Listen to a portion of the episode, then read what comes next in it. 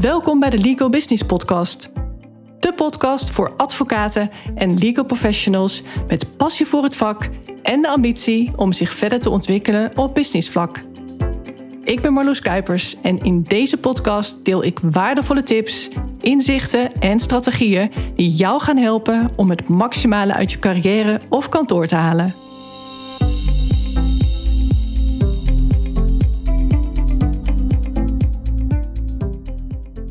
Ben enorm gefascineerd door de psychologie van de mens.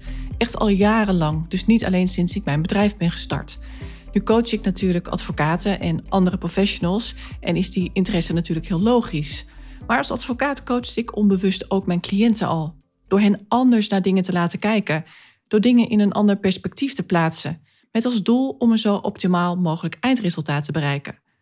Afhankelijk van in welke niche je zit, zul je dit in meer of mindere mate herkennen.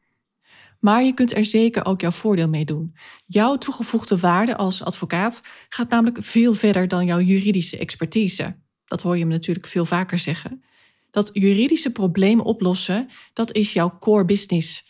Maar dat maakt niet dat je een onuitwisbare indruk achterlaat bij bijvoorbeeld jouw cliënten of wederpartijen. Want vergeet vooral dat laatste niet.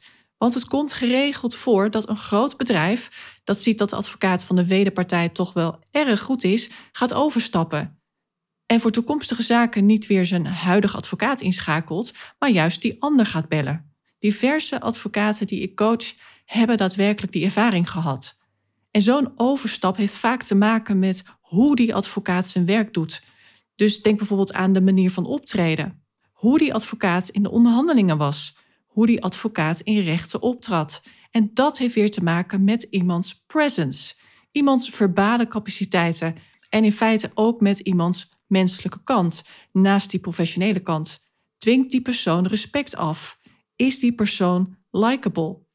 Kennis van de psychologie van de mens is ook heel handig, zo niet noodzakelijk bij het voeren van onderhandelingen. Want dat is namelijk een heel strategisch spel. Een spel waarbij niemand wil verliezen. Dat is de crux. Hoe kun je nou winnen zonder die ander te laten verliezen? En dan doel ik met name op gezichtsverlies. Ga je nou met een gestrekt been in de onderhandelingen of geef je alles meteen weg, dan verstoor je als het ware het spel. Het is net als met schaken. Doordacht doorschuiven naar het einddoel. En dan is het schaakmat. Tijdens het voeren van onderhandelingen moet je je echt kunnen verplaatsen in de ander. Niet alleen beseffen wat voor die ander van waarde is, maar ook waarom iemand op een bepaalde manier reageert. Waar zit de frustratie? Wat is nou de echte oplossing hier? Soms zit de oplossing niet in meer geld, want geen geldbedrag lijkt hoog genoeg. Dan gaat het dus om heel iets anders. Als je niet tussen de regels doorleest dat er meer moet zijn dan die ander laat zien, dat er iets is wat maakt dat iemand zich zo dwars gedraagt, dan ga je de verkeerde conclusies trekken. Zoals kansloze zaak dit. Nee, dat is het niet. Maar jij ziet de kans niet. Je ziet de oplossing niet omdat je die ander niet kunt lezen. Al het menselijk gedrag is in feite terug te herleiden naar zes basisbehoeften. De Six Human Needs. Dat is een model van Tony Robbins, waarin het menselijk gedrag wordt verklaard. Deze theorie kent zes menselijke behoeftes, waarvan vier persoonlijke behoeften zijn en twee spirituele. Dit zijn ze. Nummer 1. Certainty, oftewel zekerheid. Alle factoren die een mens een goed gevoel geven. Nummer 2. Variety, variatie, oftewel afwisseling in het leven. Nummer 3. Significance, betekenis. Erkenning krijgen voor ons handelen, het aanzien. Nummer 4. Love, connection, oftewel liefde en verbintenis. Onderdeel uitmaken van een groep. Nummer vijf is grow, groei. Jezelf ontwikkelen door je handelingen. En tenslotte nummer zes, contribution, oftewel bijdragen. Je tijd zinvol kunnen besteden. De eerste vier, dat wil zeggen zekerheid, variatie, betekenis en liefde, dan wel verbintenis, zij vormen onze persoonlijke human needs. En de laatste twee, oftewel groei en wat kunnen bijdragen, die vormen onze spirituele behoeften. Hoe in deze behoeftes wordt voorzien in de praktijk, dat gebeurt op heel verschillende manieren. zoals door de keuzes die we maken qua relaties, door onze persoonlijke interesses, maar ook door het carrièrepad dat we kiezen. Om maar even een paar voorbeelden te noemen. Die zes human needs die herleiden ons menselijk gedrag. Bij alles wat we doen hebben we de doelstelling om één of meer van deze behoeftes te vervullen. Het human needs model geeft in feite ons motief aan. Waarom we iets doen in combinatie met wat we willen bereiken of welke wensen we willen vervullen. Deze menselijke behoeften die zijn dus de drijvende kracht achter ons gedrag. Tony Robbins stelt dat het voor ieder persoon heel belangrijk is dat in de eerste vier behoeften wordt voorzien en dat er aan minimaal twee van deze behoeftes zelfs heel veel prioriteit wordt gegeven. Dus het gaat dan om de vier persoonlijke waardes: zekerheid, variatie, betekenis en liefde, dan wel verbintenis. En twee van deze vier hebben dus vaak topprioriteit. Die twee specifieke waardes die vormen dan de belangrijkste drijfveren voor een mens. Welke twee waardes dat zijn, dat is voor ieder individu verschillend. Al kun je mensen natuurlijk ook in categorieën plaatsen. Het gaat dan om specifieke groepen mensen met overeenkomstige eigenschappen. En die zullen dan waarschijnlijk dezelfde drijfveren hebben. Voor bedrijven is het natuurlijk heel interessant om deze twee voornaamste drijfveren van een bepaalde doelgroep te ontdekken. En daar kunnen vervolgens hele marketing- en communicatiestrategieën op worden afgestemd. En dat gebeurt natuurlijk ook in de praktijk. Wat ook interessant is, het schijnt dus dat wanneer je gedrag vertoont wat drie of meer van die menselijke behoeftes vervult, verslaving op de loer ligt. En dan denk je misschien verslaving, een ver van mijn bedshow, maar is dat wel zo? Want onder verslaving valt bijvoorbeeld ook een werkverslaving. En dat zie ik toch heel veel om mij heen. De grindfase, om een bepaald level in je carrière te bereiken, dat is vaak een must. Maar daarna moet het toch wat relaxter worden. Dat kan nog steeds betekenen dat je relatief veel uren maakt. Het is namelijk een misvatting dat te hard werken altijd betekent dat de hoeveelheid werkuren het probleem is. Maar dat is dus niet zo. Het gaat vooral om jouw motivatie om zo hard te werken. Is het echt nodig? Heb je er plezier aan of moet dit echt van jezelf? Heb je die uitputtende dagen misschien nodig om een voldaan gevoel te krijgen?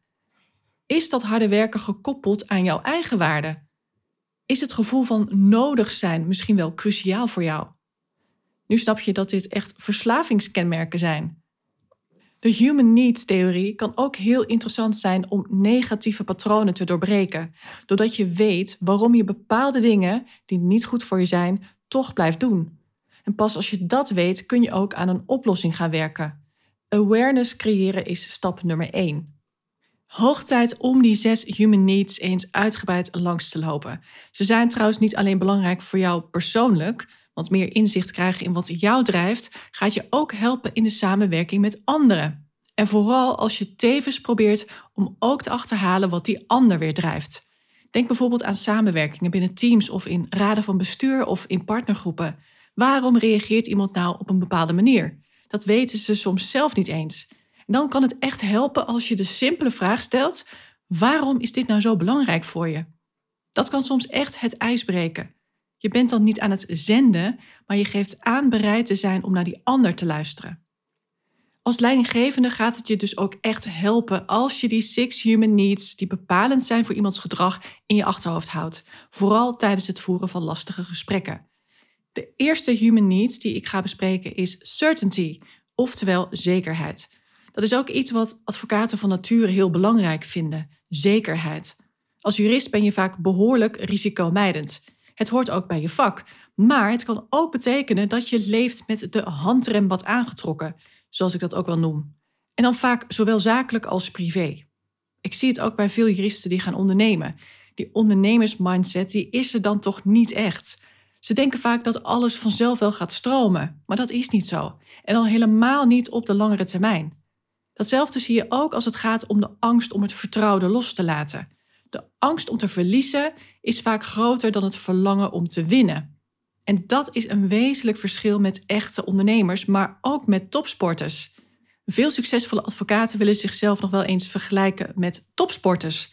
De advocatuur is net topsport. Dat klopt, dat hoor je mij ook wel eens zeggen. Maar toch gedragen advocaten zich heel anders. Ze zijn veel minder geneigd om bij te sturen, om te kijken waar er nog geoptimaliseerd kan worden. Als je eens wist hoeveel tijd en energie er door topsporters wordt gestoken om slechts een paar honderdste aan seconde aan tijd te kunnen winnen op dat ene belangrijke moment. En kijk dan eens hoeveel tijd jij door je vingers laat glippen.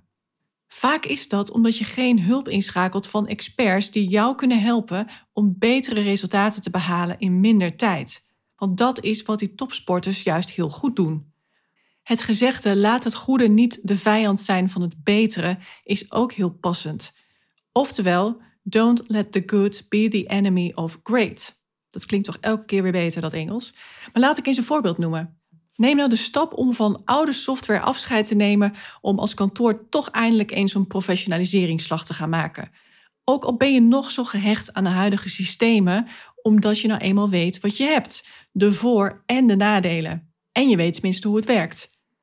Maar gaat hieraan vasthouden zorgen voor die stap vooruit als kantoor? Of ga je dan over twee jaar hopeloos achterlopen en valt de achterstand mogelijk niet eens meer in te lopen? Je hebt ook mensen die al jaren klagen over hun huidige baan of werkgever, maar die toch geen actie ondernemen om het meer naar hun zin te krijgen. Ook zo typisch. Ik ken echt verschillende advocaten, maar vooral ook ondersteuners, die jaren geleden al tegen mij zeiden: Ik kijk wel om me heen hoor. Als ik wat heb gevonden, dan ben ik weg. Nou, we zijn toch flink wat jaren verder en ze zitten er nog. Dat zegt alles over het risicomijdende wat in zoveel mensen zit. De angst voor het onbekende, de angst voor onzekerheid. En juist daarom is de moed hebben om dat toch aan te durven vaak de cruciale stap naar meer geluk. En deze voorbeelden die zagen op het zakelijke, maar voor jouw privéleven geldt exact hetzelfde. Want waarom in een relatie blijven hangen terwijl je al lang weet dat dit het niet is? En als je weet dat je echt je best hebt gedaan om er alles uit te halen wat erin zit. Iets wat je nog best tien jaar zou kunnen volhouden. Maar als je eerlijk bent, geen veertig jaar wilt volhouden bijvoorbeeld. Waarom dan niet kiezen voor jezelf? Ook als je nog niet weet wat het alternatief is. Want dat is vaak de reden waarom mensen geen stappen zetten. De angst voor het onbekende. Als je niet weet wat je wel wilt, is het voldoende om te weten wat je in ieder geval niet wilt.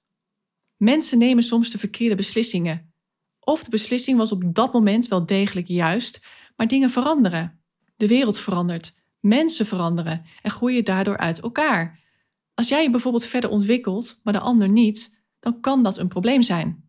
Dat hoeft niet, maar dat kan wel.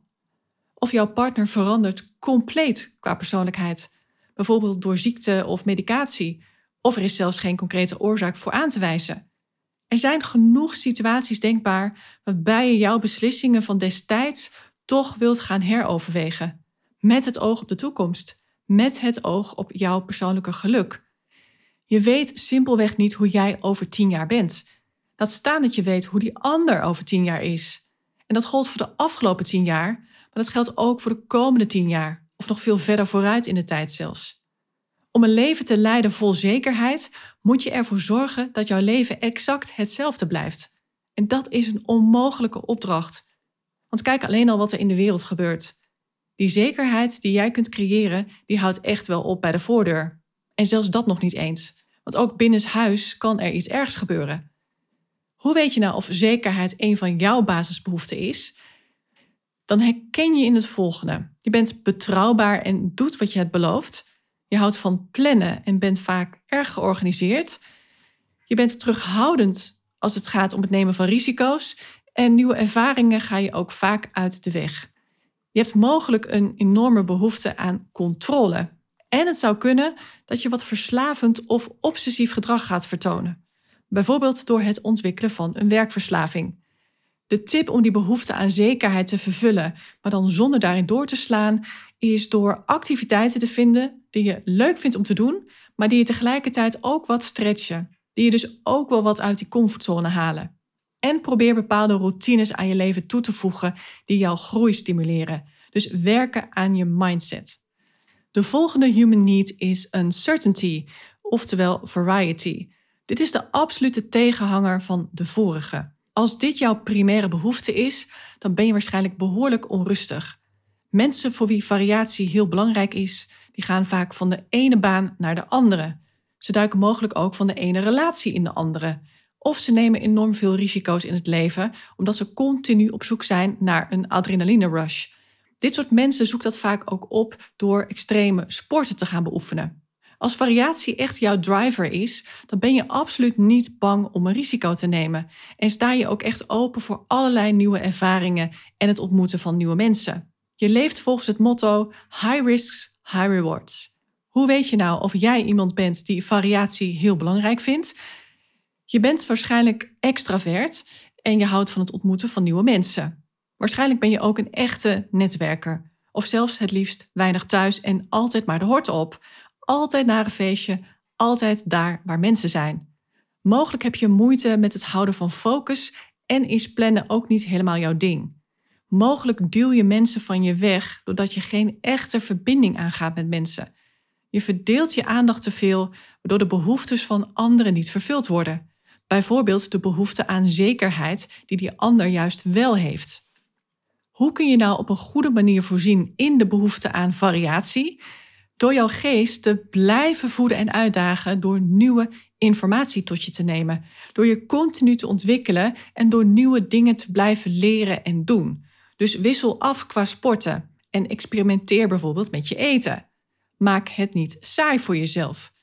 Ga nieuwe mensen ontmoeten en dan vooral in situaties waarin je je toch al bevindt.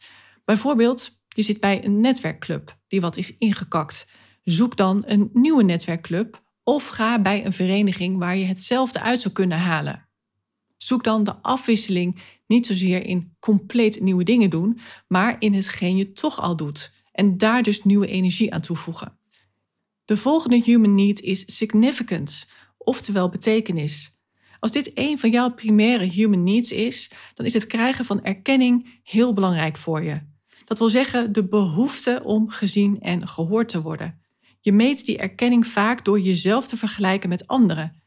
Je hebt een bepaald beeld over wat jou uniek maakt ten opzichte van die anderen. Bijvoorbeeld ten opzichte van vakgenoten of ten opzichte van naaste collega's. Erkenning is vaak wel een van de meest primaire behoeftes van mensen. Als er naar ons geluisterd wordt en als we ons gezien en gehoord voelen, dan voelen we die erkenning. We voelen ons dan geliefd misschien zelfs. We voelen ons dan gewaardeerd om wie we zijn en om wat we doen. Ik denk dat iedereen het vreselijk vindt om genegeerd te worden. Je hoort ook wel eens van mensen dat doodzwijgen als pijnlijker ervaren wordt dan een scheldpartij over je heen krijgen. Mentale mishandeling wordt vaak als erger ervaren dan fysieke mishandeling. Ook zoiets. Feeling insignificant en niet toedoen, lucht zijn, dat is voor velen het ultieme schrikbeeld. Erkenning is ook heel belangrijk op de werkvloer. Dat hoor ik ook zoveel om mij heen. Gewoon gewaardeerd worden om je inzet en zeker als die inzet veel meer is dan feitelijk van jou verwacht mag worden. Dat heeft toch weer te maken met dat principe van wederkerigheid. Of je wilt of niet, onbewust werkt het toch zo dat je op de een of andere manier terug wilt ontvangen wat je geeft. Maar dat werkt ook de andere kant op. Je voelt de behoefte om terug te geven wat je ontvangt. Zo werkt het ook. Degenen die geen positieve manier kunnen bedenken om zich belangrijk te voelen, die kunnen uiteindelijk drastische maatregelen gaan nemen om zichzelf toch dat goede gevoel te geven. Die stappen bijvoorbeeld over op te veel alcohol of ze zoeken actief naar ruzie. Dat klinkt misschien gek, maar negatieve aandacht is ook aandacht. Voor sommigen werkt dat dus toch vervullend. Een andere manier is dat ze zich gaan omringen met mensen die als minder bekwaam worden beschouwd, om zo contrast te creëren met hun eigen prestaties. Zij voelen zich dan beter doordat anderen overduidelijk minder presteren. Het mag duidelijk zijn dat beide scenario's wellicht kunnen resulteren in een goed gevoel, maar beide gedragingen zijn natuurlijk niet bepaald gezond. Hoe weet je nou of het gevoel van betekenis nastreven, oftewel dat gevoel van erkenning krijgen, een van jouw kernbehoeften is? Je bent dan zeer gedreven om succesvol te zijn en je houdt er ook van om doelen te stellen en die ook te bereiken. Daarin doorslaan kan betekenen dat anderen vinden dat je overdreven competitief bent, te perfectionistisch of zelfs dramatisch kan zijn. Hoe kun je deze behoefte nou vervullen op de goede manier? Door dat competitieve in jou en de behoefte om van betekenis te zijn in te zetten bij activiteiten die daar ook echt om vragen. Bijvoorbeeld door een nieuwe sport of vaardigheid te leren of door vrijwilligerswerk te doen. Maar die erkenning kun je ook krijgen door te werken aan jouw leiderschapskills. Door een completere leider te worden, ga je ook meer erkenning krijgen binnen het team en binnen de hele organisatie zelfs. Alles uit je carrière halen door jouw volle potentieel te benutten, dat maakt ook dat je het gevoel hebt dat je van betekenis bent. De volgende human need is connection, oftewel love, liefde en relaties. Als verbinding en liefde jouw belangrijkste menselijke behoefte is, dan ben je vaak constant op zoek naar een hechte relatie met iemand of met iets. You truly understand that love wakes you up to the gift of life. Ook zo'n mooie zin. Mensen hebben nou eenmaal liefde nodig. Je ziet wat de langetermijnschade is van een liefdeloze opvoeding of het gebrek aan een thuis. Denk aan hechtingsproblematiek, verlatingsangst, gebrek aan vertrouwen in mensen, een minderwaardigheidscomplex zelfs. De behoefte aan liefde kan leiden tot ongelooflijk bevredigende relaties, maar het kan er ook voor zorgen dat je zelfzorg en eigenlijk zelfliefde opoffert om voor anderen te zorgen of om een partnerschap, zowel zakelijk als privé, maar koste wat kost in stand te houden. Hoe weet je nou of verbondenheid een van jouw kernbehoeften is? Dan herken je in het volgende. Loyaliteit en vrijgevigheid in de relatie met jouw dierbaren, dat zijn jouw belangrijkste waarden. Je geeft vrij uit en anderen zien jou als betrouwbaar. Je hebt sterke sociale banden, maar je kunt soms je eigen gevoel van eigenwaarde verliezen en het moeilijk vinden om nee te zeggen. Dat is dus een mogelijke valkuil. Hoe kun je een behoefte aan verbinding op de juiste manier vervullen? Tony Robbins zegt hierover het volgende. Door bereid te zijn om echt jouw kwetsbaarheid te tonen en diepere, meer betekenisvolle vriendschappen te creëren. Door echt te communiceren wat je nodig hebt in een relatie. Zo creëer je een intieme relatie in plaats van een oppervlakkige relatie. Hoeveel partners communiceren niet op vooral praktisch niveau? Hoe kan ieders agenda afgewerkt worden? Hoe is het organisatorisch allemaal te regelen? Een andere manier om die connectie te creëren is door dat te zoeken in spiritualiteit. Het is niet voor niets dat heel veel succesvolle en tevens hele drukke mensen dat doen. Dat kan door gebed, door meditatie of door contact met de natuur te zoeken. Echt innerlijke rust vinden in deze hectische wereld, dat is voor velen een hele grote uitdaging. Het vraagt vaak ook echt wat training om te onthaasten en om dus echt te connecten met jezelf, met de natuur en met de mensen om je heen. Het is ook niet voor niets dat retreats zo populair zijn. Vooral ambitieuze, hardwerkende mensen hebben zo'n diepe behoefte aan die rust, aan het onthaasten en aan het ontsnappen aan die red race. Maar als je na zo'n retreat weer teruggaat naar exact datzelfde hectische leven, dan kun je maar heel kort profiteren van die ontspanning. Dus het is echt noodzakelijk dat je dingen gaat aanpassen in jouw dagelijkse routine. Kleine dingen die een groot verschil gaan maken. Als je daar tips over wilt, dan mag je me trouwens gerust een bericht sturen.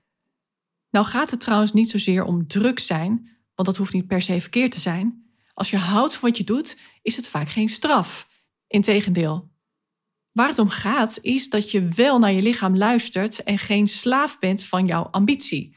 Als je voelt dat de accu leeg is, dan moet je ook in staat zijn om direct gas terug te nemen en die ontspanning echt te prioriteren. Moet dit echt vandaag nog af? Nee, dan kun je er dus gewoon mee stoppen. Maar er zijn dus mensen die dat van zichzelf niet mogen. En als advocaat kun je heel lang wachten op een lege agenda. Als jij niet bepaalt wat voor jou prioriteit heeft, dan ben je gewoon altijd bezig. Want elke cliënt vindt dat zijn zaak prioriteit heeft. Als jij niet strak regeert over jouw agenda, dan ben je altijd onderdeel van andermans agenda.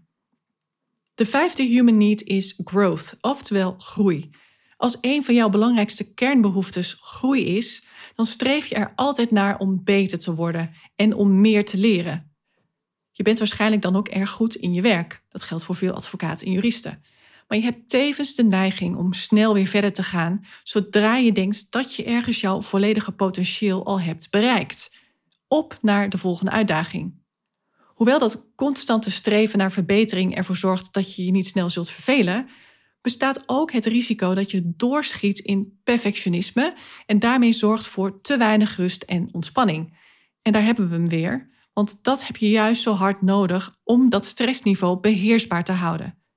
Nou, hoe weet je nou of groei een van jouw kernbehoeften is? Dan herken je in het volgende. Je verlegt altijd je grenzen, zowel die van jezelf als de grenzen die aan jou zijn opgelegd door anderen. Je bent erg onafhankelijk en niet echt materialistisch.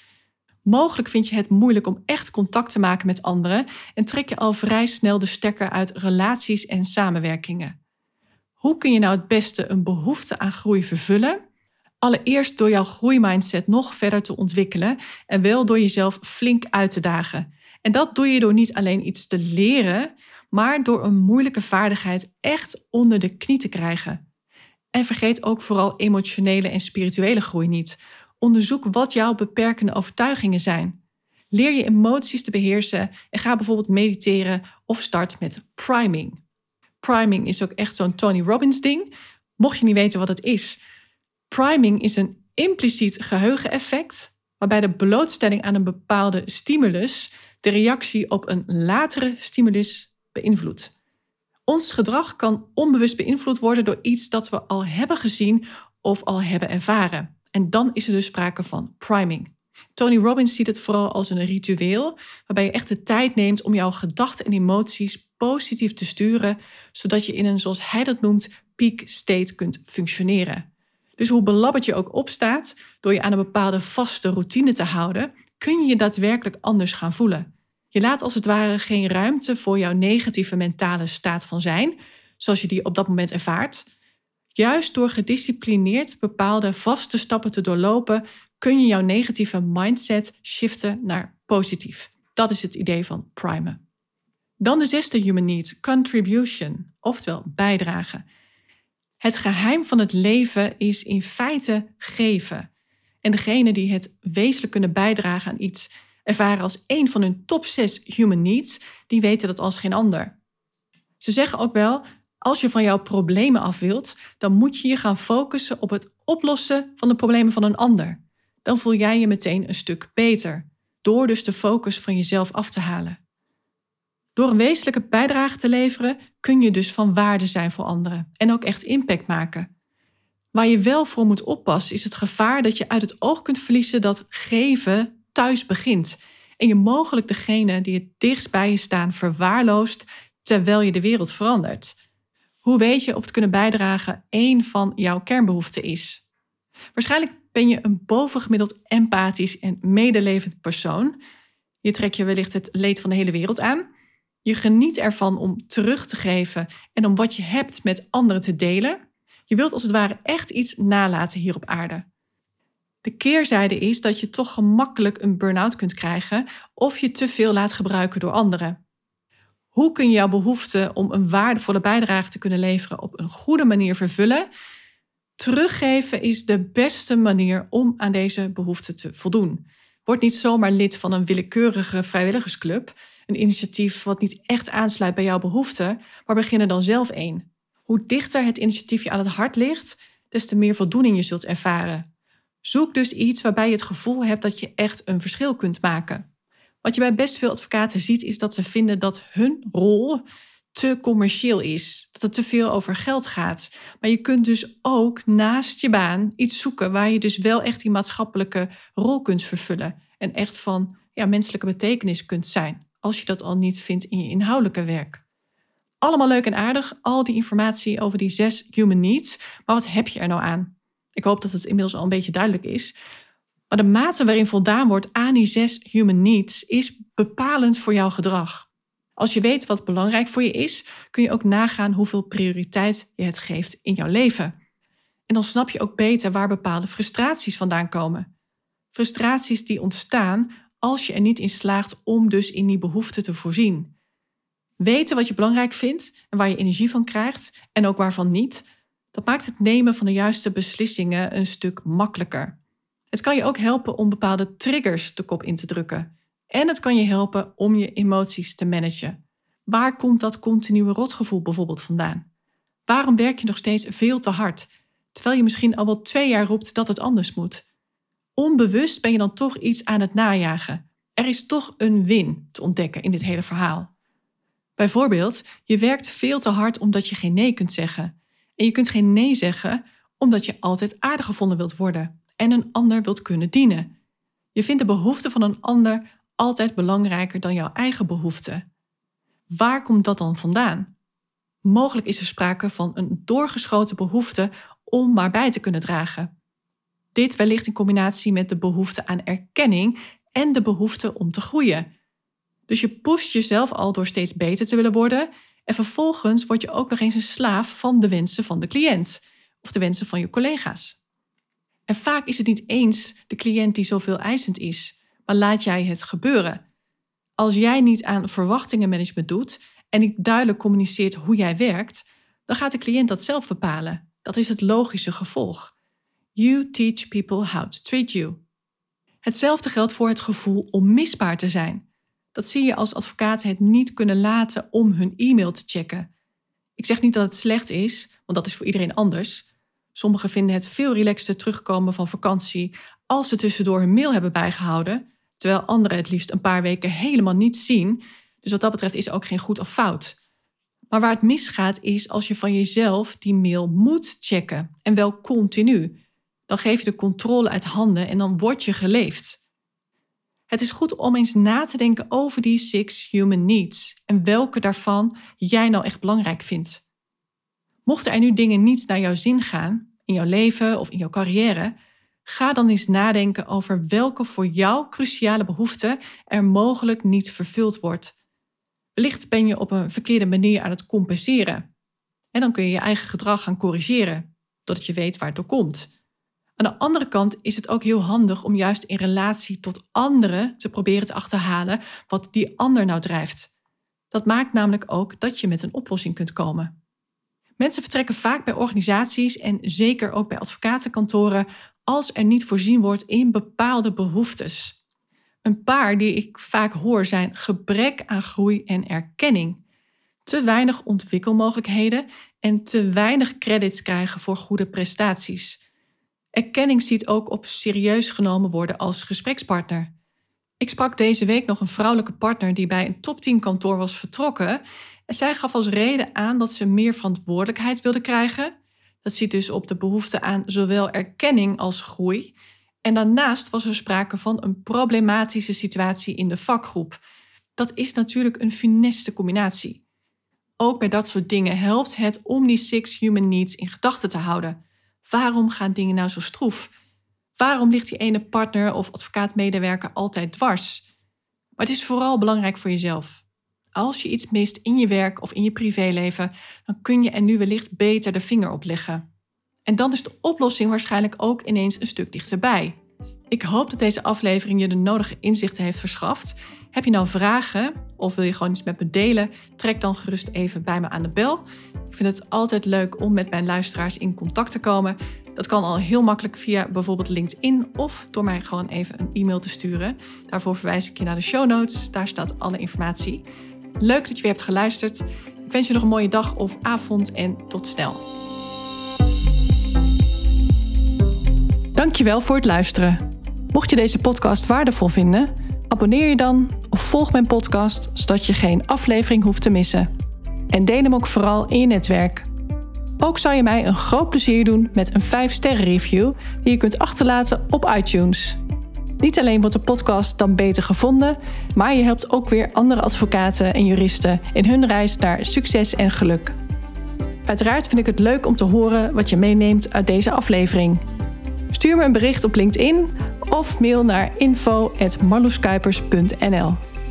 Heb jij bepaalde ambities en wil je weten hoe ik jou zou kunnen helpen bij het verwezenlijken daarvan?